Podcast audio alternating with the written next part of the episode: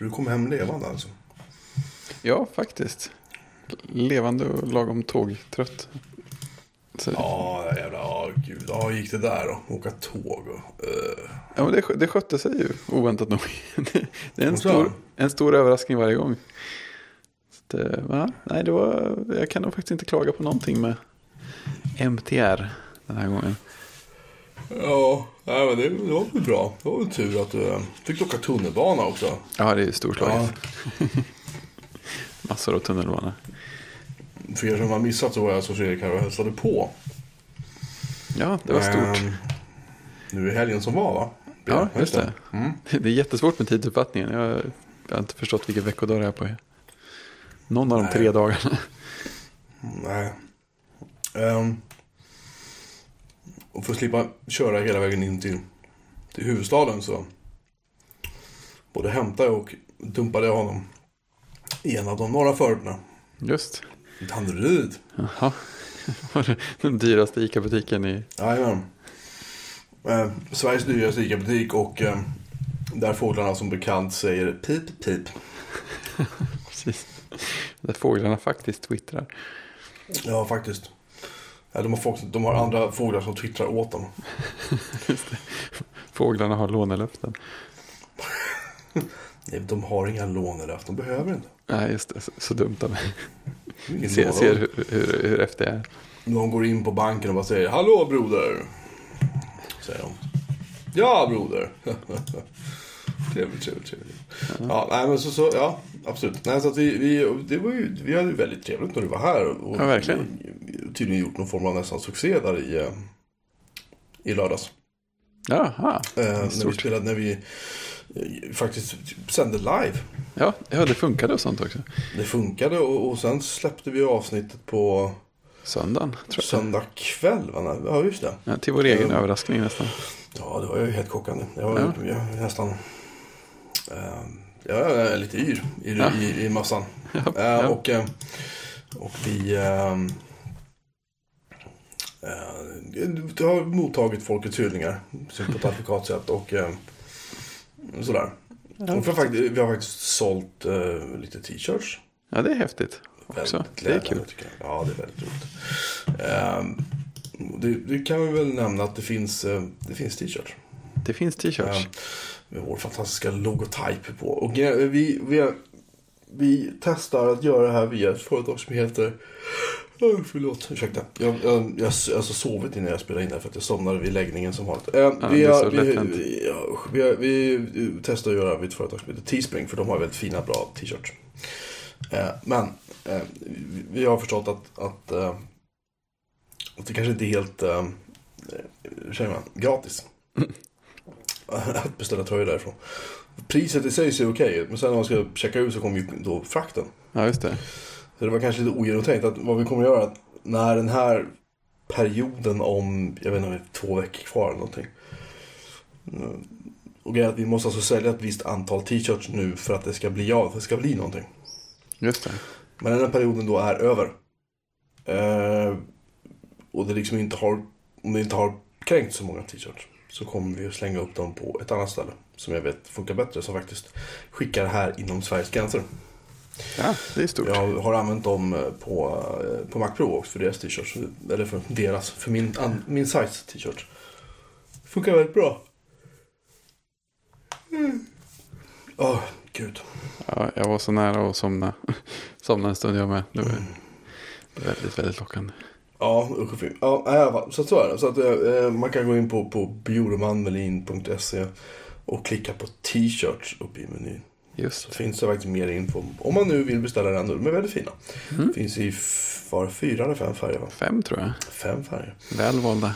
Mm. Johnny Ive-vitt finns också. Det är viktigt. Ivy. Just det. Ivy, Um. Ivy White, inte Ivory. så så är det. Ehm, just det. Uh, datamagasin Kickstarter. Uh, Ja. 30, år, 30 år sedan datamagasin startades. Uh, var det förra månaden. Och uh, Kickstarten har pågått med uh, oförminskad kraft. Ja, Eh, nu har vi passerat 100 000 kronor. 546 backers. Och vi är uppe i 103 800 någonting kronor. Japp. Det är fint. Det borde vara, det borde vara lovande för avslutningen. Mm, Ja, nu är det, det är ju då 70, drygt 73 000 kvar. Och vi har, nackdelen är att vi har bara 11 dagar på oss att få in de här pengarna. Men, men för alla säger så här, nej, nej, nej, det är lugnt. Ehm, på slutet då vet du bara, kommer fort. Så hoppas att de har rätt. Jag ehm, hoppas, ja, jag blir jätteledsen om det inte blir av för att det, vi har kanon, eh, fått ihop liksom ett kanongäng med skribenter från framförallt förr i tiden men också nu, nutid. Vi har eh, så mycket ämnen som vi vill täcka så att vi skulle kunna göra en mindre telefonkatalog för de som kommer ihåg det. Telefonkatalog betyder, telefonkatalog är det kids som inte har sett en sån, betyder att det är en väldigt tjock bok med väldigt eh, mycket information i. En bok är alltså en massa papper som är ihopsatta på ena Precis. sidan. Bra, bra att du förklarar det också. För det. och eh, vi kommer kanske inte få plats med allting, även om det blir av. Men, men eh, vi har material till lätt 132 sidor liksom. Ja, det, det blir hur fint som helst. Eh, minst. Så att eh, det, det finns, vi har massor. Massa, massa, massa, massa. Så vi bara, vi bara hoppas att det blir av i alla fall. Och eh, man kan besöka retrodatorer.se eller våra, vår länklista, eller våra anteckningar eller vad vi nu kallar det här för. Eh, till detta avsnitt så finns det en länk dit. Ja, visst. Det ska Fredrik bli, minsann bli man för. Just, lita på det. Ehm, just det. Och som en, en del i detta så var jag faktiskt på en, en BBS-återträff igår. Det är ju häftigt. Ja, det, det, jag har inte varit på en sån här träff sen jag var jag vet inte, 20, Nej, det kan, Ja. inte ha, det kan inte ha hållit så många där sen, sen 19, dess. 20 kanske. Ja, ja så här. ehm, på 80 och 90-talet. Då, då saker och ting, allt, allt var mycket bättre här i världen. Just det. har, har jag vaga minnen av. Ehm, då hade vi faktiskt varje år. Så hade vi, eller först så hade vi, just det. Varje år så hade vi eh, Modemar-träffar. Eller Modemar-picknickar i Hagaparken. Oj, utomhus sånt. Så kallade Haga-race. Ja, Avancerat. Eh, då vi eh, samlades under korkeken uppe vid kopparträden. Det är, vi är då, som alla förstår ingen korkek. Men vi kallar det för en korkek för vi hävdade nu. När vi hade ploppat upp alla våra champagneflaskor så blev det nästan en korkek. För det Ja. flög så mycket korkar överallt. Och det här, där började vi då liksom 10 på en lördag förmiddag. Då det drog in en, en mindre armé med eh, olika figurer. Eh, och satte sig ner i vissa fall och givetvis så kopplade upp sina bärbara datorer vid sina, vid sina GPRS mobiltelefoner Telefoner, och ah. satte sig själva, loggade in på BBS som du frågar och satte där och liksom live BBSade. Vilken grej. Eh, ja, och det, och det här var jag på många år, många somrar. Ibland kunde vi ha flera stycken på samma sommar. Ibland hade vi fester. Ganska rejäla sådana. Eh, väldigt kul. Vad är det kommer- riktigt stor eh, aktiv aktivitet där? Ja, alltså, jag kommer ihåg när, jag, fan kan jag ha varit 80, 89, ja 90, 91 någon gång tror jag det var så. eh, var jag på en fest i slakthusområdet. Ironiskt nog så jobbar jag precis bredvid slakthusområdet nu. Jag tror att den, den kåken är borta som jag var på party dock. De har rivit väldigt mycket där. Så Det var- Det var bara att riva den efteråt.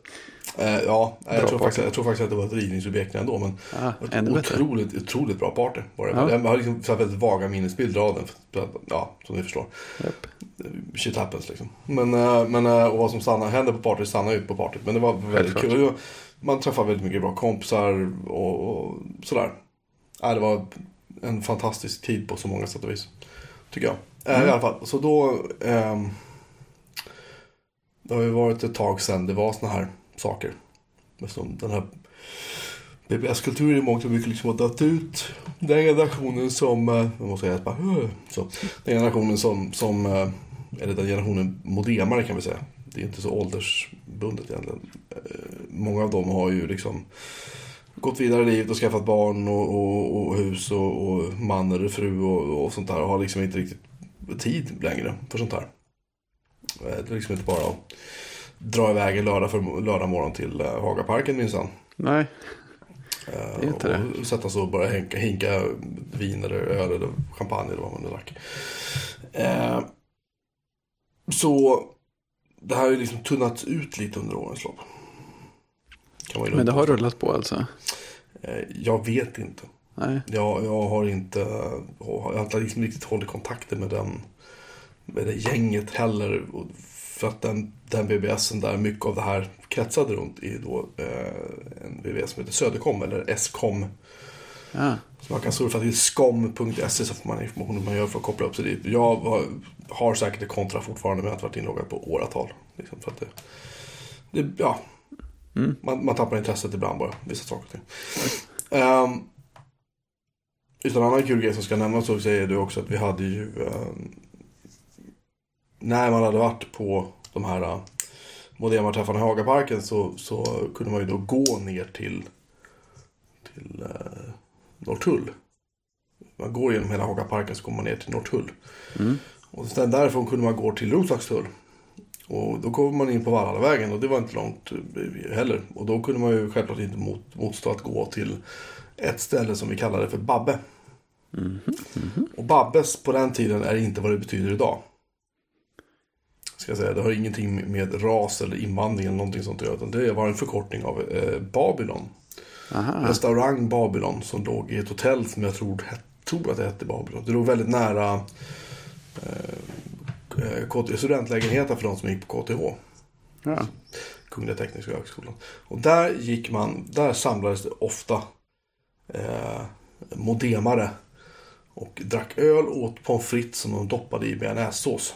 Det var liksom också lite så här Bra. tra- tra- tradition liksom. Ja, ja, kan. Så det gjorde man ofta när man hade varit på Babbe, eller på, på Haga träff, då gick man upp till Babbe. ja. Eh, och, eller Babbes och eh, ja, drack mer öl och åt pommes frites som man doppade i bearnaisesås. Och därefter så var det inte långt att ta sig till tunnelbanan.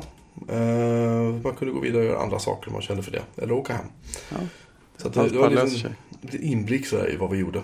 När vi nördar vi var unga. I alla fall så var det så här. Då, Niklas Lindholm som bekant är ju han som hittade på eh, Nicom, BBS-systemet Nicom. Och han har bott nu i sju års tid i Kalifornien och jobbar för Google. Som utvecklare på AdWords. Och nu är han hemma i Sverige. Han är hemma faktiskt hela den här veckan ut. Och har varit eh, förra veckan tror jag. Och han tänkte att det vore väl kul om vi kunde träffas. Vi som kör Nicom nu eller som har kört Nicom tidigare. Liksom, alla som kan komma. Ja, men visst. Ja. Så han utlyste en träff. Det skulle egentligen ha varit förra veckan. Då var alla sjuka. Eh, eller som i mitt fall blev tvingad på en firmafest. Och, men så då sköt han fram det till igår. Som vilket var tisdagen den 31 maj. Så då gick jag dit. Till, på en, eh, på en eh, krog eller vad jag ska kalla det för. På Kungsholmen i Stockholm. Ja. Det var jag och eh, vi var fem pers totalt. Ja. Det, Ja, lite- faktiskt. K- kanske inte, det är liksom inte, inte den här uppslutning som var i liksom, BBS eh, träffarnas fornstora dagar om vi säger så. Men, men å andra sidan så får man väl också se till det faktum att, att många som hade tänkt komma som var så här, nej, eh, mina barn är sjuka eller nej, jag måste jobba över eller sådär. Så att det, var- det var ett visst manfall kan man säga. Ja, men det fall, eh, det var ändå kul. Niklas var där. ehm, Fabian som driver Fabbes BBS, en av de äldsta BBSarna i Sverige, var där. En Trevlig prick helt klart. Ehm, och en kille som... Shit, alltså det här, det här är alltså... Ehm, en kille som under 90-talet gick under namn Christer Gre- Gessler. Uh, så nu heter, han, nu heter han Christer Svan. Han är alltså en gammal användare på Nicom och dessutom en gammal kompis till Niklas. De pluggade tydligen ihop på KTH eller någonting. Eh, och undertecknad och sist men definitivt inte minst Erik Lundevall. Som var med och startade Datamagasin ja. 1986. Som är en av de här... äh, Han är en smart jävel. Kan tro det. Milt, milt uttryckt, han är en smart jävel. Han är, han är en av de smartaste jepparna som tror jag har existerat. Han är... Jag tror, jag tror han jobbade på KTH en massa år. Sådär. Han var lärare eller vad han var. Men han, han gör någonting annat nu i alla fall. Men han är skittrevlig liksom. Vi satt och pratade gamla datamagasinminnen och satt och gamla pratade BBS-minnen och liksom satt och pratade om vad vi gör idag. Och vi satt där över två timmar. Ja, det är schysst. Så det ska vara. Ehm, och sådär. Så att det var, det var jag tog, tog lite bilder. Och, det och det här är väl en tänkt att bli en del av en... ehm, om det nu skulle visa sig att, det här, att eh, en datamagasin i köksdatorn blir av så ska vi då självklart ha en BBS-lista. För det hade jag alltid datamagasin för. Och ha liksom någon sorts BBS-sida för att i gamla datamagasin så hade de ibland någon sorts bild från en BBS-träff liksom. Där de hade då träffades någonstans. Så att snackade skit. uh, hoppsan. Ja, det är ju Ehm, ja, det är Vår som- perfekt. du mår som jag tänker. Eh, så att, eh, alltså det, så att, eh, det är liksom Egentligen gick jag mest dit bara för att det var kul. Men det var också självklart ett kul sammanträffande att vi ska kanske göra den här kickstarten. De, vilket, fick, de var jätteentusiastiska för de här andra killarna. Så det, det kändes skitkul liksom. Ja, men det är, det är de bästa, bästa sammanträffanden. ja, alltså det, det, det, var, det var lyckat på alla, alla fronter. Mm. Var det faktiskt. Eh, så det, det var vad jag gjorde igår. Sådär. Och eh, ja, Välanvänd tisdagkväll helt enkelt. Ja, det, det var ju jättefint väder och det var ju varmt och skönt. Och liksom, man ska ju inte klaga på något sätt. Det ska man inte. Ehm, så, ja. Eh, vad ska jag säga? BBS-arna, BBS-andet lever. BBS-erna lever. Din BBS lever. Ja, faktiskt efter, efter en del bråkande. Jaha, några om och med. Ja, men alltså det, det, det är ju en Amiga. BBS på en Amiga liksom. Det, det är som så organisk liksom. Det växer och förändras. Den växer och förändras och slår, kör ner sina rötter där den kanske inte alltid borde köra ner dem. Så, så den, har, den, har, den har haft lite temperament den sista veckan eller så. Men nu har jag löst en hel del. Ja, det, var, det, det såg lite tveksamt ut i, i helgen där. ja, du var ju med när den, den vägrade, Ja, vägrade göra saker. Och, eh, men jag, satte mig, jag kom hem efter den här BBS-träffen igår. Jag var hemma vid så här, inte, tio kanske på kvällen. Och eh, gick och satte mig i, i rummet i gästhuset där BBS-datorn står. Och satte mig och hackade järnet till typ kvart i elva eller någonting igår kväll. full av inspiration. Full av inspiration. Och sen dess har den faktiskt hållits på benen. Peppar peppar. Det är coolt. Vad, var det, vad gjorde du? Eller vad ändrade du? Eh, jag har ju nämnt tidigare, det finns ju en programvara då som heter eh, eh, vad heter den? AMI eh, Bink, AMI Bink D. Mm. Just det, det känner vi igen. Eh, som är då en Amiga-version av ett program som heter Bink D. Bink D är ett, ett, ett, ett ryskt, en rysk mjukvara. Bara där kan man ju tänka sig att det här låter inget bra. Men det är, den är väldigt bra. Den är otroligt eh, bra utvecklad, välutvecklad. Eh, och på Linux så är den liksom råstabil. Eh, problemet är bara det att jag kan, jag kan ta emot saker och ting via Bink det på Linux, skriva det på någon NFS-disk någonstans. Och sen ska min Amiga därifrån då hämta, importera posten därifrån som kommer. Det är liksom inga problem. Men när jag ska, men när jag ska skicka däremot så uppstår det vissa problem. Därför att Amigan skriver i ett, eh, i ett format som Bink det kallar för ASO, Amiga Style Output eller något sånt där. Bra förkortning. Eller bra Eh, och, och, betydelse. ja, och jag har kompilerat om Bink det för att den ska stödja ASO.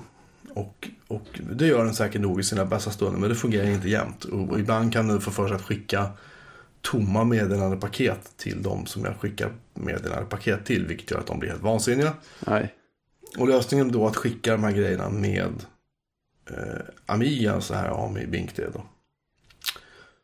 Som i sin tur har den lägenheten att det är skrivet av en snubbe som inte riktigt har alla fiskarna hemma. Fiskarna hemma i stallet. Ehm, eller, eller så har han för många fiskar i stallet. Är ja, troligen. alla, alla hästar i sjön. Han är ett ökänd den här killen för att han, han har tidigare tagit så här open source eh, projekt. Och sen bara liksom äh, döpt om dem lite eller så. Eller Jaha. kompilerat upp dem på något sätt. Eller ändrat lite grann i dem, kompilerat om dem och sen släppt dem och så tagit betalt för det. Jaha, ja, den är inte snygg. Han har eh, Han gjorde så även med den här eh, Ami Bink Dedo. Och, eh, men där rätt snart så insåg han att det här var bra. Så då skrev han i något här release och sa att ah, det här är nu eh, freeware eller shareware och sånt där. Och det var så här, ja. han, men han, vad han har gjort är att han har, han har um, så här, det finns en officiell Amiga-portning av BinkD, men den är väldigt gammal och saknar väldigt mycket funktioner. Men den här killen har då eh, kompilerat om sin fork, om man kan kalla det för det, av källkoden till Bing för Amiga. Med alla grejerna inbyggda. Och det är ju vackert så. Det funkar Ja, det, är- det är ju trevligt. Men eh, problemet är att den, att den eh, kraschar. Eh, hårt. Aj, aj. Helst ska man ha den här programvaran, den ska liksom vara igång hela tiden på Amiga. Så att den både kan ta emot och kan liksom skicka så kallade crashpost som kallas för. En crashpost är inte att den kraschar. Crashpost är att den skickar det omedelbart. Man tar Ah, emot okej. det hela tiden direkt när det kommer. Det är liksom, ja, det är motsvarigheten till dagens e-post kan man säga. Japp. Eh, Men då hette det crash därför att då var det så här, nu är det bråttom, ring upp till din upplink med modemet på en gång och skicka det här. Och då, självklart var det så att det var inte alla användare på BBS som fick skicka crashpost. Nej, nej. För då hade ni stått och ringt jämt. Ja, just det. Um, jag fick en, en anekdot berättat för mig om när uh, Swedish User Group of Amiga, eller Suga, deras gamla BBS. Det var någon som hade tydligen skickat uh, crashpost under typ julen eller något sånt där till en mottagare i USA. Och då hade BBS ställt sig och börjat försöka ringa upp till USA och skicka det här. Oh, oh. Dyrt. Eh, Jag har för mig att det var Sugas BBS. Det var i alla fall en, en, eh, en, eh, jag tror att det var Nikon-baserad BBS. Mig det var Suga. Och den telefonräkningen på den tiden var alltså femsiffrig. Det betyder på att knäcka hela föreningen. Åh, oh, fy fan. Ja. Elände. Så det var inte helt, det var inte helt trivialt på den tiden. Men i alla fall. Så att, vad som händer är då att jag istället har via Krontab. För det finns faktiskt för MacOS, tror du det? Eller för Am- Amigos, förlåt tack. MacOS också. Men Amigos eh, har jag då programmerat in och så jag skriptar att den ska koppla upp eh, och skicka post och hämta post regelbundet. För att jag är med i fem olika meddelandenätverk. Och det är inte alla Ja. de som, som skickar posten till mig så fort den kommer in. För om alla gjorde det, då hade det varit ett betydligt mindre problem. Utan det är vissa som kräver att man ska koppla upp sig istället och hämta posten regelbundet. Ah, Eh, vilket jag nu gör med eh, det här eh, Ami Binkte. Mm. Och, men sagt, problemet är att, då att Ami Binkte ibland kan få för sig att den checkar upp att minne släpper ingen minne. Sådär, om man har den igång hela tiden. Och då löser jag det genom att, genom att eh, säga åt den att bra nu kopplar du upp det dit, hämtar det, skickar och sen kopplar du ner och så stänger du av det. ah. Och det, det brukar funka bra också, förutom att den ibland kan få för sig att men jag kan inte koppla upp, jag försöker igen, jag försöker igen. Och så kommer nästa event, den ska koppla upp på nästa host.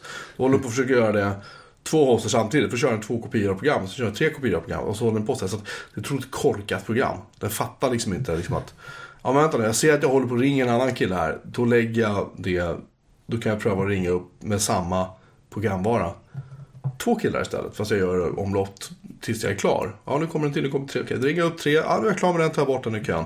Det finns liksom inte. Utan man måste, man måste med olika liksom, skript hålla på och fula sig väldigt mycket. ja, det är bråkigt. Och, och, ja, och det är det tror jag, tror jag har hänt. Att den har helt enkelt lagt upp de här uh, uppkopplingarna på kö. Och så till slut har den bestämt sig för att nu kraschar jag. Ja, okej. Det blir för mycket kö. Och när den kraschar, då, då sagt, då kraschar jag. Ja, då tar man med sig grejer. Så att jag har helt enkelt ändrat hur ofta om vi Binkete kopplar upp sig. Så att nu gör den det en gång per dygn och då kopplar den upp sig mot en nod i taget och så väntar den. Jag tror att det är 600 sekunders väntetid. Vad är det? Fem minuter eller tio Ja. minuter? Jag kommer inte ihåg. Någonting sånt. Så att den liksom väntar så länge mellan att koppla upp mot respektive. Så gör den bara det en gång per dygn. Ja. Men sen kan det fortfarande importera post en gång i timmen. För det kommer ju post skickat till mig via andra vägar. Liksom. Och via min Linux-server då som står. Sådär. Hängde du med? Jag tror det. Det låter, det låter ju bra. Och nu är det stadigt alltså. Det ska man aldrig säga. Men den Nej, håller sig uppe i... Jag har också stängt av att den... eh, För jag ställde- ställde in ett tag att den skulle bota om en gång per dygn. Tänkte det ska väl minsann lösa allting. Ja, Eh, Men det gör ju inte det. För att ibland kan ju då Amiga få för sig att man botar om mitt i att den gör någonting. Mm. En skrivning exempelvis till, till hårddisken. Och då tycker jag att filsystemet är liksom inte schysst. Och vad Amigans gamla... Ironiskt nog kallas det för Fast File System. är, det- är det något av dem? Jag för mig att det var- jag för mig att det fan att Ja. dum. Dubbelkolla så jag slipper få massa arga tweets och mail från Amiga. Folk som tycker att jag är dum i huvudet. Eh, det heter, jo, det heter Amiga Fast File System, eller FFS.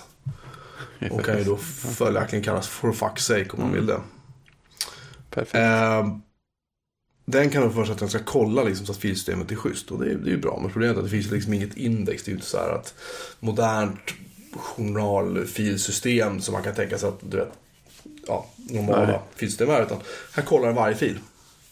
Såklart. På en hårddisk med 240 meg stor. Så tycker man det borde inte heller ta så lång tid. Problemet är att Nikom har exempelvis då väldigt, väldigt många filer. Ja. Varje meddelande i de här ja, Fidonet och Usenet och alla andra, det är ju var, varje, sånt, varje sånt meddelande är ju en fil. Ja, så det, det är verkligen varenda fil. Det Ja. Och gammalt det tar, klassiskt sätt. det tar en stund. Problemet är då om man då startar upp den så eh, botar man ju eh, upp maskinen och så startar man Nikom automatiskt. Så då börjar Nikom kolla alla eh, brev. Mm.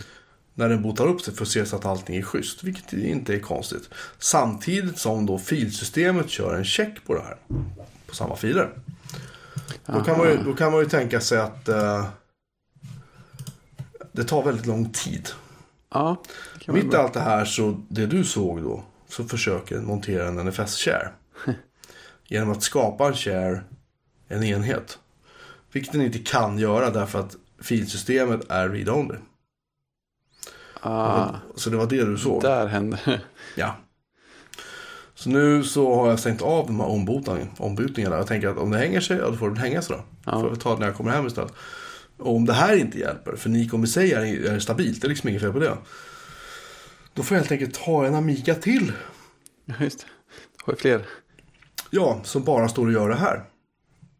Det är ett helt nätverk av amigor som samarbetar. Ja, jag, jag bävar för den tanken. Alltså, Ja, liksom, jo, men, men det är en väldigt fin tanke samtidigt. alltså, jag är ju inte den som, som, som, som ger mig.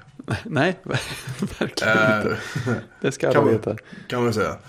Så, eh, nej. Det, det, här, det här ska nog minsann bli ordning på. Men sagt, det, det, det är så här. Det, här. det här är väl en del av, av charmen om man nu tycker det. Att hålla Ja. på med grejerna. Det är just att, ja, saker och ting skiter sig. Ja, visst. Saker och ting eh, är lite rangliga och saker och ting är lite, man försöker göra saker och ting som man igen kanske inte riktigt var designad för liksom. Nej. Nej, precis. Och så hitta sätt att lösa det. Det vore kul om den gjorde det här. Så att vi försöker hitta ett sätt. Ja, det är fint. Ja, nu gäspar det ett stort, herregud. Ja, det är så varmt alltså. Ja, det är, det är inte klokt. Ehm, så detta om detta. Den, den lever och har hälsan och har man inte prövat att logga in på en kombaserad BBS så kan man gärna besöka min eller någon annan. Det finns massor. Man kan till och med ringa till din. Man kan På ringa till riktigt. Vilket folk faktiskt gör. Det är ju jättefantastiskt. Ja.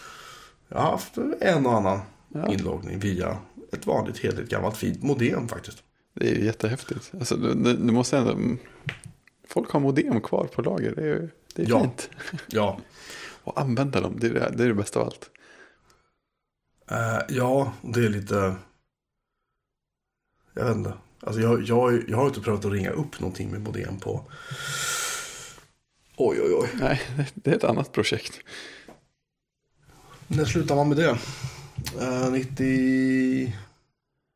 Ja, vad kan det ha varit? 96, 97 kanske. Jag tror att jag slutade ringa med modem. Det var någonstans där. Och sen har jag liksom inte haft modem på supermånga år liksom. Nej, nej. När vi fick ADSL hemma. Nu behövde man inget modem längre. Ja, unge- ungefär. Då, då la man ju liksom av med det där på något vis. Det var liksom inte, det var liksom inte kul. Nej, all, allt blev ju lite bättre med lite mer. Lite högre hastighet. Lite större bandbredd. Typ så.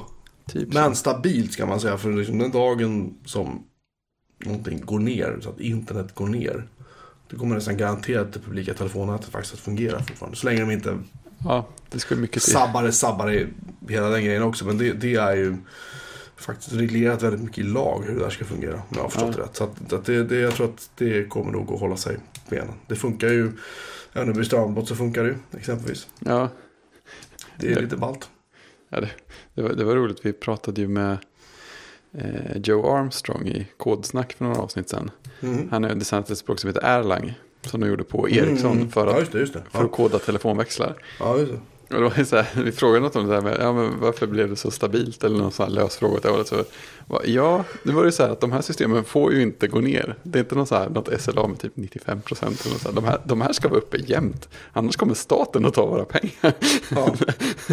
ja, men det var, det var så. Det var, och, Ja, alltså, jag kommer ihåg när AXC lanserades. Liksom, det var ju, innan dess så, så satt man ju och ringde med nummerskivetelefoner. Ja, Eh, och de, som det funkade var att när du, om du skulle ringa siffran 8 till den här telefonen. Och då vred du den här skivan då. Du satte ner fingret i nummer 8. Och så vred den då med sos.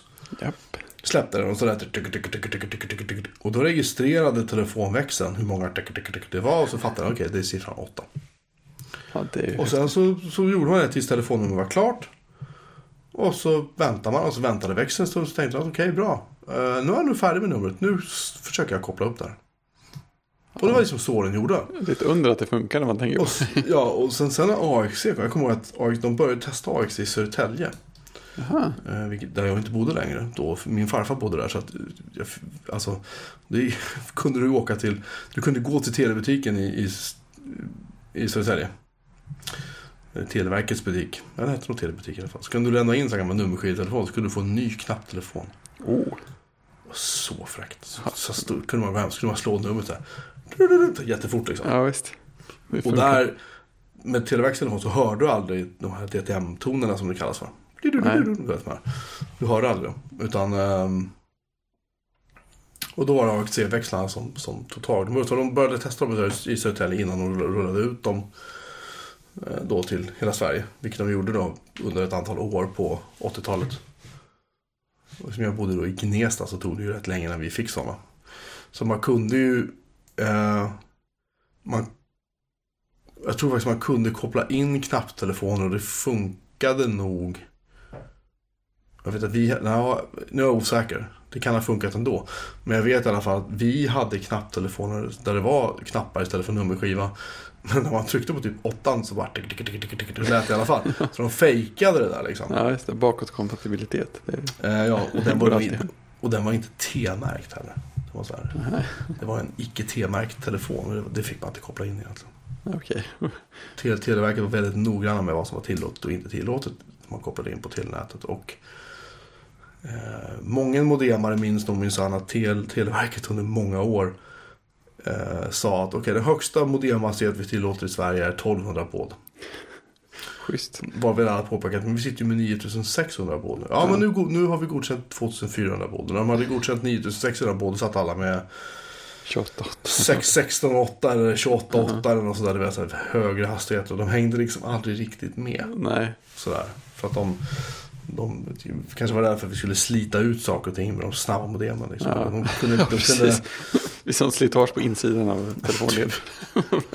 kopparn började vittra Nej, alltså det, det, det ska sägas till, till, till Televerkets senare TLS försvar var ju så att de ville inte säga till folk att nu, nu är det okej att köra 28 800 baud.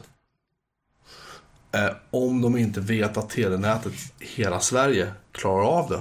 Ja. På grund av att telenätet var ju... Alltså tills dess att Telia, senare Telia då slutade investera i Televerket så... Eller telenätet, förlåt. Så var ju telenätet var ju liksom... Det var ju... Det var fantastiskt bra skick på slutet. Mm. Men på 80-talet var det inte så. Då kunde det ju liksom vara linor, alltså... Det kunde ju vara installationer som var suttit där sedan 50-60-talet. ja, visst. Ja, det är klart, ska man då leverera till hela landet och bara Ja. kan uttala sig en gång, då, då får man ta det ganska Jag tror de försiktigt. kan säga så här, ja men nu bor Stockholm, Göteborg, Malmö och Gävle. Där kan ni köra jättesnabba modem. Ni andra bara, Ja, precis. Det, det kommer inte Det- riktigt undan med. Det funkar inte riktigt så. Så det skulle, vara, det skulle vara demokratisk ordning och så vidare. Och så vidare, och så vidare. Så att, det var så det blev, helt enkelt. Mm. Men sagt, folk sket ju det. Och körde vilka modem de ville ändå. Ja, precis. Enklast för alla. Ja, vad fan. Ägde man sina egna telefoner hela tiden i Sverige? Jag hörde någon story om Under, det någon under gång. min att- livstid så har, vi nog, har det nog varit så, ja. Ja, jag hörde någon story om det att eh, för inte superlänge sedan i USA så, så var själva telefonluren någonting som var en del av abonnemanget. Så att den var i, i princip till låns från telefonbolaget i fråga. Som väl då var någon Bell-variant. Så att, då, då fick man telefoner som var så otroligt välbyggda så att de aldrig någonsin gick sönder. Det var de gamla bakelit-telefonerna. Ja, men, ja precis. De var i princip gjorda för att klara ett världskrig. Liksom. Ja. De, de var... Lurarna vägde... De, de, alltså nu var jag ju grabb. när Jag hade en sån telefon. Eh, Och den var egentligen... alltså, de var inte vanliga ens när jag växte upp. Var, Nej. för jag tog faktiskt en sån och åkte upp till telebutiken i Södertälje. Och försökte och byta till mig en knapptelefon faktiskt till slut. Ja, fint. Eh, Det är en annan historia. Eh, Men de lurarna vägde väl så här, jag vet inte, kilo eller någonting. Liksom. Ja. De, var, verk- de var verkligen gjorda för att överleva allt. Ja, visst. Slagsmål eller vad du ville liksom. Ja, Eh, arbete. ja, precis. Men, men Slitage. Mycket jag- prat. jag är osäker på hur, ägandeformen var på den tiden. Ja, men, men, men när jag växte upp, då gick man in till telebutiken och så köpte man sig en telefon. Liksom, Ja. Om du ville ha en telefon till hemma. Och Ja, att ha flera telefonlinjer hem, det var ju inte heller helt... Vanligt. Det var inte helt, nej, det var inte helt vanligt eller trivialt i många fall. Det, det var någonting som... ehm, jag tror det var han. Jo, det var han Fabian från Fabbes. eh, som berättade att när han skulle ha flera telefoner till sin BBS. Som han då självklart köper en Amiga för att han är en bra karl. Då fick, då fick Televerket eller Telia installera någonting som kallas för en bärvågsmux. Ja, bra namn. Och det är någonting även som en annan gammal, den första BBSen i Sverige som gjorde var permabas, eller permobas. Som företaget Permobil drev. Jaha, på 80-talet. De hade, de hade BBS som tänkte att de skulle då skapa, eller för första hand liksom deras kunder, alltså de som Ja. satt i rullstol eller var handikappade på något sätt. Men de upptäckte ju sen efter några år att de som körde på det här var ju merparten var ju inte då deras kunder. Nej. Och det här var alltså byggt på ett nätverk av ABC80-datorer tror jag det var. Oj. Det här finns med i min jätte, jätte, jättelånga BBS-artikel. Det finns liksom till och med en bild på hur permabas såg ut på den tiden. Oh. Deras datorerna och allting står där, en hårddisk och... Men de i alla fall hade en bärvågsmux. En bärvågsmux var då, för de som inte vet det, eh, det är något som knappt existerar längre. Så jag tror med tanke på att vi väldigt mångt och mycket inte ens har så många analoga telefonlinjer på ett samma ställe. Det var ett sätt när de inte fick plats med eh, tillräckligt mycket kablar i kabelstammarna i husen. Så kunde de helt enkelt använda olika, frekvens, olika frekvensområden Aha. i samma kablar. Ja. Och sen så då satte de en typ nere i källaren exempelvis. Och satte de en uppe i lägenheten. Eller inne i huset eller något sånt där. Där man då liksom delade upp signalerna sådär. I flera skikt i princip som jag förstod det. Det, det finns säkert en jättemycket bättre beskrivning på hur det här funkar. Men det, det var väl i enkelhet så som jag ja. minns att det Det smög fungerade. in flera linjer på samma, samma Ja, kabel. och det var inte helt okomplicerat när man körde modem heller. Nej, jag kan tänka mig. Eh, Kan man säga. För att det, ja, för det mesta funkar det bra i alla fall. Men det var inte helt vanligt. Nej, nej. Man fick vara beredd på egenheterna säkert. Oh ja, Oh, yes. definitivt. Ja, men jag hade två modemlinjer här. Till min sista VVS som jag drev när jag bodde i Skarpnäck. Då hade jag två modemlinjer i lägenheten. Det var, liksom, det var aldrig ett problem att få in lite fler linor dit liksom. För även om, även om Televerket på den tiden tyckte, eller Telia på den tiden sa att nej, men det- nu ska vi ha, det ska vara fyra stycken trådar per mobilabonnemang här. Fyra stycken ledare ska du ha in till per telefonjack så var det bara bullshit. för Det räckte faktiskt med bara två. Det, jag tror att de började tumma på det där sen till slut Ja. för att fixa det där. Men men, så var det med det. Ehm, I alla fall, BBS är bra, hej och Just det, vi är för. Tummen upp. Ja, jo, ja just det. Vi, vi, eh, vi diskuterade, igår kväll diskuterade vi också om hastighet Henrik, Henrik Schyffert som var faktiskt både BBS-användare och en sysop, en BBS-ägare. Jaha, det var nytt. Ja, han, hade, han, han hängde på den här Permobas som det hette som jag nämnde. Han hängde där under, under namnet Göran.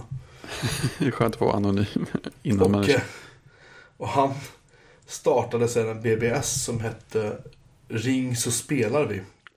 Snyggt. Som skulle vara så här, för att logga in och spela olika så här online-spel, doors som det kallas för på den tiden. Det alltså var, det alltså var det, det namnet kom av att man, om du startade ett spel så hoppade den ur BBS-programmet och startade och körde ett annat program. Och sen när, när du spelade färdigt så hoppade du tillbaka in i BBS-programmet igen. Det var, det var inte helt Ja. okomplicerat. Du skulle fortfarande behålla Ja, modemuppkopplingen. Lite, ja, lite spännande så här. Ja. Och för de som kan sin BBS-historia minns som säkert uh, spelet Trade Wars. Som var jättekul. Där man var i rymden och kunde panga på andra rymdskepp eller köpa saker och ting och resa genom rymden och hålla på. Det var otroligt roligt. Inga in-app purchases. nej. På tal om saker som faktiskt var bättre för. Ja, nej, det var ett fantastiskt spel. Ehm, och han skulle också starta ett spel som skulle heta Rapis. Okej. Och det skulle betyda Rape and Plunder in Space. Vad gör man inte Eh. för att få uppmärksamhet? Och jag vet att de hade... Nile City hade... Alltså när de sände Nile City. Eh, så hade de en... Eh, vi ska se om jag kan hitta en textrad. Det var så jävla roligt. Eh, du, du, du. Här har vi nämligen ett, ett manus från Nile City avsnitt 1. Oj. De är med det här på flera ställen. Men då har de... eh, Ja just det, de sjunger då. Percy säger då. Grattis du är nu kund av ett ett av Sveriges mest expansiva företag. Trycker på en knapp och så sjunger. Det här är från manus då. Trycker på en knapp och sjunger då. Lille Gunnar, du är bäst. Du kan allt om BBS. Yay! Där fick de in det. Liksom. Ja. Och det var då... eh, det här var alltså 1995. Kanske. Ja. Och de säger också då, eh, han- just han intervjuar den här Gunnar då som har en, en VVS-firma. Då säger Percy Nigo, du som är i BBS-branschen, säger han då. Det är perfekt. Sådär. Sådana här referenser som inte stör någon som inte har koll på det. Som Nej, jätteroliga nej. för den som, den som vet vad det handlar om. Alltså BBS var ju ganska, det var ju ganska... Eh, alltså det, var ju ganska stort sådär. Precis, alltså 92, 94, 92, 93, 94, kanske 95. Precis eh, när internet började slå igenom i Sverige, det var väl ungefär 95. Ja, Vill jag minnas. Ja, Eh, och, då, och då så...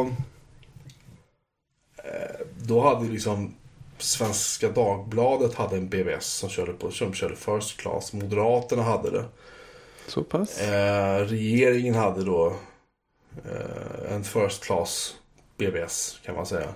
Innan det blev en webbsajt. Och den hette eh, Någonting, någonting Rosenbad. Jag kommer inte ihåg vad den hette. Men du kunde ringa upp dit med modem i alla fall. Och det hade Expressen hade det. Eh, IDG körde eh, en som hette IDG online. Som var en, också en First Class baserad BBS. Det var och- first class som gällde helt enkelt. Det var first class för det, var liksom, det fanns på Mac och på Windows. Och det var inte liksom något terminalprogram. Utan det var liksom något snyggt grafiskt. Man kunde klicka och hålla på det liksom. Och, och det... Jag tror IDG hade väl 20 telefonlinjer eller någonting. Inkommande för det där. Och det här, det här var några år liksom. Eh, som bara, det här bara blommade ganska mycket. Och folk liksom började bli mer och mer och mer liksom, tyckte det här var spännande. Ja, förstå att det fanns. Och sen kom ju World Wide Web och slog ihjäl alltihopa över en natt i princip. Ja. Så var det här borta. Ja, men det var, det var kul. Ja, kul, kul och väldigt underlig period. För vi, för vi då som var riktiga modemare, riktiga BBS-användare, vi satt ju bara och liksom, och, vad fan är det här för någonting? Man kunde ju inte, du kan ju inte koppla upp en vanlig terminalprogram till det här. Det går inte att se, det är ju inte ANSI ens en gång. Det är ju liksom Nej, här, allt är bara det är något skräp. annat, liksom trams. Så vi var väldigt upprörda över det. Folk är fortfarande upprörda över hur skräpigt webben är. Så det är, det är ingenting som förändras. Så att ehm, det var, eh, vad heter det, ehm, ja. Det var, det var en ganska underlig tid liksom. Ja, och plötsligt liksom väldigt snabbt passerade. Det är som dinosaurierna. Så det kom en meteorit och så, ja, nu är allting ändrat. Ungefär så. Alltså folk stod där över en natt och var... Jag vet några av de här som höll på med det här, de... de eh, alltså modemen fortsatte ju vara liksom användbara. Jag vet, jag fick, Ja, det är sant. Vi satt och pratade om det igår, vad som hände med, med Algonet. Som var en av de här första stora. Ja, de var ju med, de var väl med ganska länge. Ja, det var en kille som hette Ragnar Lönn som startade det. Han satt på någon, någon vindsvåning på inne i stan på 20 kvadrat. Det var tydligen så varmt så det gick inte att vara där inne. Han, han, han gick, och startade, gick och startade om modemen för hand hela tiden för de hängde sig. Liksom. Ja, oh, fy sjutton. och de blev uppköpta av Telenor eller något sånt där sen, vill jag minnas. Mm. I alla fall. Vi, eh, just det, kanske vi ska säga. Vi, vi sände ju live i lördags. Mm. Och det tänker vi försöka göra fler gånger om vi faktiskt bara kommer ihåg att berätta det för folk vi ska Just göra det. jag, jag glömde helt bort efter att vi sa att ja, men det är klart vi ska köra live nästa gång också. Ja, det, det skulle vi göra ikväll. Jag tror till och med vi pratade om det i morse. Typ att ja, det ska gjorde göra. vi ja. Och vi var jättetända på det där. Och sen så, ja, jag somnade och du var på väg att somna. Så. Ja, Vi ber exakt om så. ursäkt för det. Ehm, så Vi måste ställa om tekniken bara så att det blir bra. ja, Hoppas att Skype har löst sina ljudkvalitetsproblem. eh, ja, snälla. Det vore jättebra. Ehm, vad skulle jag säga? Just det. Ehm, och vill man ha information om det kan man besöka bjurmanmelin.se slash live. Och följa oss på Twitter. Tänker vi Ja, oss. Att man- precis. Det också. Därför att om man följer oss på Twitter så kan man få reda på i, i kanske god tid när nästa eh, tillfälle är där vi ska sända live. Vi har väl kanske för avsikt att göra det varje gång i Ja, fortsättningen. det är väl det är ambitionen. Nu har vi satt upp en server och allting så nu... nu Precis, så, pusha ut ljudet. Och Precis. få, få ordning så att det låter bra också. tror jag. Allt det här körs via, via en, en virtuell Linux-server hemma i min källare. Över min fiber. Ja, det är den, det är den trygga biten av systemet. Den har jag också Ja, sett. Det är en ja, fin, men- fin, fin källare där alltså. Och du var lite, du var lite, du tyckte det var lite mysigt det i källaren. Ja, nästan lite innan man började få ont i nacken av att stå böjd hela tiden. Så det är, Ja, så, det är en det- sån väldigt skön blandning av, av nytt och gammalt. Det, det är alltså en, en matkällare och för de som tror att det här är stampat jordgolv så kan jag meddela att det är det inte. Det är betonggolv och det är eh, murat valv med så här puts och grejer som är där inne. Så det är väldigt vackert. Det är stenväggar liksom. Så att det, är- det är rejält och det är också väldigt svalt. Det blir aldrig, Ja. Inte ens nu när det har varit så här värmeböljar blir det särskilt varmt där nere. Nej, nej, det, men, det är så otroligt välbyggt. Ja, det där går ingen vart det kan jag Nej, det är verkligen supersolitt alltihopa. Det bra är att den här är alltså en, en, den här går under delar av huset där det brukar vara väldigt kallt på vintrarna. Eh, no more, säger jag. Det är varmt och skönt på vintrarna. Utan att det för den saken skulle bli väldigt varmt där nere. Nej. Så det, det funkar och det är Jag räknar väl ut mellan tummen och pekfingret. Om, om jag hade, alltså grejen är att drar någonstans i häraden runt 350 watt. kan betyda väldigt mycket. Då ska man komma ihåg att det är fyra servrar. Eh, en brandvägg, två switchar och lite annat här lullull. Och när jag tittade på att stoppa in liksom en avfuktare där nere för att det var väldigt fuktigt där nere och stoppa in eh, du vet, någon sorts värmeelement på vintern för att inte vattenledningarna som kommer in där ska frysa och sådär så insåg jag snabbt att det kommer att dra mer Ja, än vad mina servrar gör. ja visst. Och då gör jobbet fint.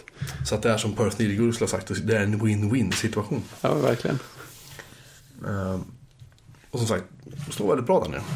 Det är, är, är lite lågt i tak och racket kan man, man kan ju inte ha fullhöjdsrack tyvärr. Så att det, det är lite det är trångt i racket. Ja, Men det går ändå. ja Finns det hjärterum så finns det kärterum. precis. Eller, rack, eller rackerum. Har du kopplat in din nya brandvägg än då, din lymmel? Jag har kommit nära. Jag, jag hade, ju- gjorde en riktig sån eh, klassisk miss och hade en elsladd för lite. Så jag fick, eh, jag fick norpa tag i en på vägen hem idag. Ja, du tog en på jobbet utgår ifrån. Du gick inte och köpte en kabel nu va? Nej, Nej, jag tänkte det. För jag har ton av dem där. ja, det, det, det är fler som har ton av dem. Jag förutsatte att du hade en sån. Men jag jag, jag, jag frågade om en sån, så bara, ja, ta den här fort, så det finns för många. ja, vi, har, vi slänger dem. Ja, men, ja, men vi, slänger, vi slänger dem i insamling för vi att vi har ingen. Nej, men det är det. De, de finns ju alltid överallt. Jag var rätt säker på att jag hade ett par stycken hemma också, men eh, de har tydligen också slängts flera gånger. Åh, herregud. Jag tänkte att jag skulle ta hit det på skoningslägen heller så det skulle göra underverk. Men nej. Ja, men vadå? Jag fick ju tag i sladden. För det första kom jag på att jag saknade den. Sen fick jag tag i den. Och det var rätt sladd också. Du ska ju ha kartonger med kablar. Jag har ju haft det. Jag har haft det, de blev liggande så länge. Ja, det är ju hela poängen. Vacker dag så behöver du den. Så dansar du ut till, ditt- till ditt förråd och bara yay, så hämtar du din kabel så kan Ja, du tänka sig. Tre forum så att ha, jag slängde den inte. Nej. Vacker dag sa jag och nu är den dagen här. Ja, nu är den vacker. Ja, det har ju varit en o- oerhört vacker dag. Om man står ut med värme så. här. Ja, Ja, nej, så att nu, är den, nu är den beredd. Men jag tänkte att jag ska inte börja mixtra med mitt, mitt nät och min uppkoppling precis innan vi ska spela in. Nej, men är vi klara då jävlar. Då, Då då, jävlar. då, får du koppla in den här nya fantastiska brandväggen och eh, lista ut vilket nätverksinterface som är internt och externt och sen lista ut Ja, just det. De var, de var väldigt login, login, lösenord och IP-adress. Eller du har fått det av mig, var det inte det? Ja, jo, jag ska ju komma ihåg det också. Men jag, jag tror Jag kan skicka det till dig. ja, det, är- det är ju nästan att göra det lätt. Jo. Annars sagt du kan du nollställa lösenordet via tangentbord och skärm. Så du kopplar Ja, till just den. det, just det. Stort. Det var ju massor kan- med nätverksportar också. Typ fem. Fem, fem Ja. stycken. Varav en hade en liten metallbit som var uppböjd ovanför den. Var det någon så här skyddad port från början? Ja, den användes bara inte. Okej. Eh, Men, men eh, som sagt, den fanns ju där. Det var mer bara att ja, det behövdes inte och det var ingen, fanns ingen anledning att börja upp den där. Nej. Men eh, ja, du kan köra som mest fem, fem port. Jag betvivlar att du kommer att göra det. Men... Ja, nej, det svårt att fylla ut det just för tillfället. Men det kan man ju lösa. Uh, nej, fina grejer i alla fall. Ja, ja men det är så- så- solid och trevlig också. Ja, alltså vi, vi, vi, sl- vi slänger ju sådana här. Alltså det här är alltså en gammal eh, dator. Alltså den är baserad på ett, en Atom-processor på 1,6 GHz tror jag det är. Jag tror faktiskt den klarar 64 bitar. Den kan bara hantera 2 gig minne och eh, moderkort eller bakplanet till moderkort, moderkort kan bara hantera upp till 550-600 megabit ungefär.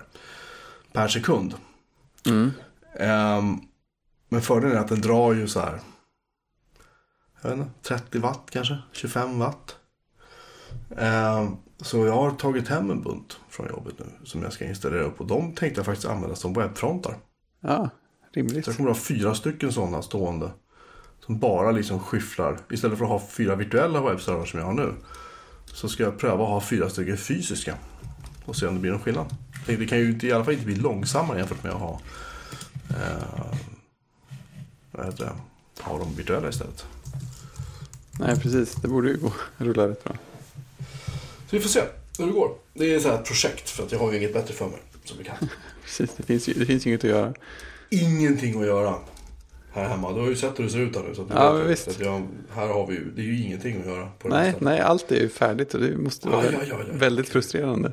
Ja, nej, men det, är- det är tråkigt. Ja, Det är livet som man känner det är slut. ja precis. Så har är, det, så är det att vara husägare. Man, man köper ett hus och sen är allting klart. Så, ja, Allt är klart, allt är statiskt. Gräset är klippt. Nu är datormagasin Retro uppe i 550 backers i alla fall. Är det så? Ja, schysst. 104 327 kronor. Lägg av. Ja. Det var ju 540...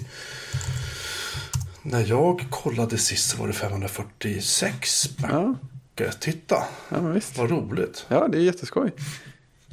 Det är bara 70 000 som fattas i princip. Ja, gud, jag hoppas verkligen att det går. Ja, ja jag håller verkligen tummarna. Och, och delar. Ja, det uppskattar jag. Jag uppskattar alla som delar och som eh, liksom kan hjälpa till med det här. För att det är... Eh, ja, det är en kulturgärning får man väl säga. Ja, men visst. Det är det. Modern kultur. Ja, verkligen. De har redan köpt Drakar och Demoner-böcker och fina dolda ting och sådana grejer. Så hoppas vi på att det blir en tidning gjord. Det får vi nöja oss med det så länge. Ja, det är, ja, jag håller tummarna. Ja, Och uppmanar alla att donera lite pengar om ni vill se ja snälla. datormagasin på papper. Snälla, snälla, snälla, snälla, snälla. Kan ni snälla, snälla. Jag, har fakt- hade faktiskt köpt med mig en, en sån här rulle med center. De är så jävla goda. Center, Centergodis och klättas. Det är så varmt där inne. så de, har- de, har- de, har- de är så mjuka. Så det, går liksom, det, är, liksom- det går inte att stoppa i munnen. Det Nej, bara, äh, nej det är visst. bara, Nu, det är bara, nu, nu är det inte, det är inte chokladsäsong just nu. ja, det är bara en gegga liksom. Ja, det, det är hemskt. Eh, Så att eh, den åker in i kylen en stund tror jag för att det ska bli... eh, Chokladkall, äh, kylskåpskall choklad är ju inte att förakta. Det är smarrigt värre ska du veta. Ehm, vet du vad, jag håller på att förgås i denna värme så jag föreslår faktiskt att vi, vi får helt enkelt stänga butiken för Ja, idag. För innan att, vi får eh, vätskebrist och sånt. ja, jag, har, jag har druckit en halv liter vatten på den här dryga timmen vi har spelat in nu. Ja, det är, som, det är som att veta att det är varmt. Man, man dricker lite mer än vanligt och så är man aldrig på toaletten. då är det, oj då, det är bäst att hålla det här tempot. Ja, gisses anåda. Um, Hur som haver, tack för att ni har lyssnat. Vi finns på Twitter på Bjurman Melin, at Bjurman Melin, förlåt. Och vi finns på uh, World Wide Web. På bjurmanmelin.se. I cyberspace, precis. Och vi finns um, på 08605 8800. Det är vår officiella support-BBS för Bjurman Melin. Just det. Vi finns på hejatbjurmanmelin.se. Om man vill mejla roliga saker. Hej, at Bjurman. kanelbulle. Hej kanelbulle i bjurmanmelin.se. Just. Uh, Hur stort som helst. Så det är nice. Ja. Ehm, tack så hemskt mycket för att ni har lyssnat som vanligt. Tack Fredrik för att du eh, väntade på mig medan jag låg och sov. I, min, i, själv. min, son, på min, min sons, I min sons saccosäck. Ja. Till alldeles för sent. Ehm, Ni har och ganska bra saccosäckar där i huset. De är fantastiska. Ja. Och, och, eh, och eh, vi, kan, vi kan väl dra oss till minnes då mina barn som absolut inte ville prata med dig när du skulle komma hit och sova över. Och sen satt ni och pratade som ingenting hade hänt. Det var väldigt roligt tycker jag. Ja. Fredrik är en snäll gosse. Jag vill bara säga det. Till alla, alla som söker den perfekta svärsonen. Här är han. Uh, det är ingen ytterligare värdering i det. Mer än att säga uh, god kväll Sverige och vi hörs om en vecka. Ja, godnatt. Från, godnatt från Norge, Sveriges populäraste podcast i Norge. Eller populärare än Frans. Så är det. Det är faktiskt sant. Vi är populärare än vad Frans är i Norge. Tror vi. Hej då! Hej då.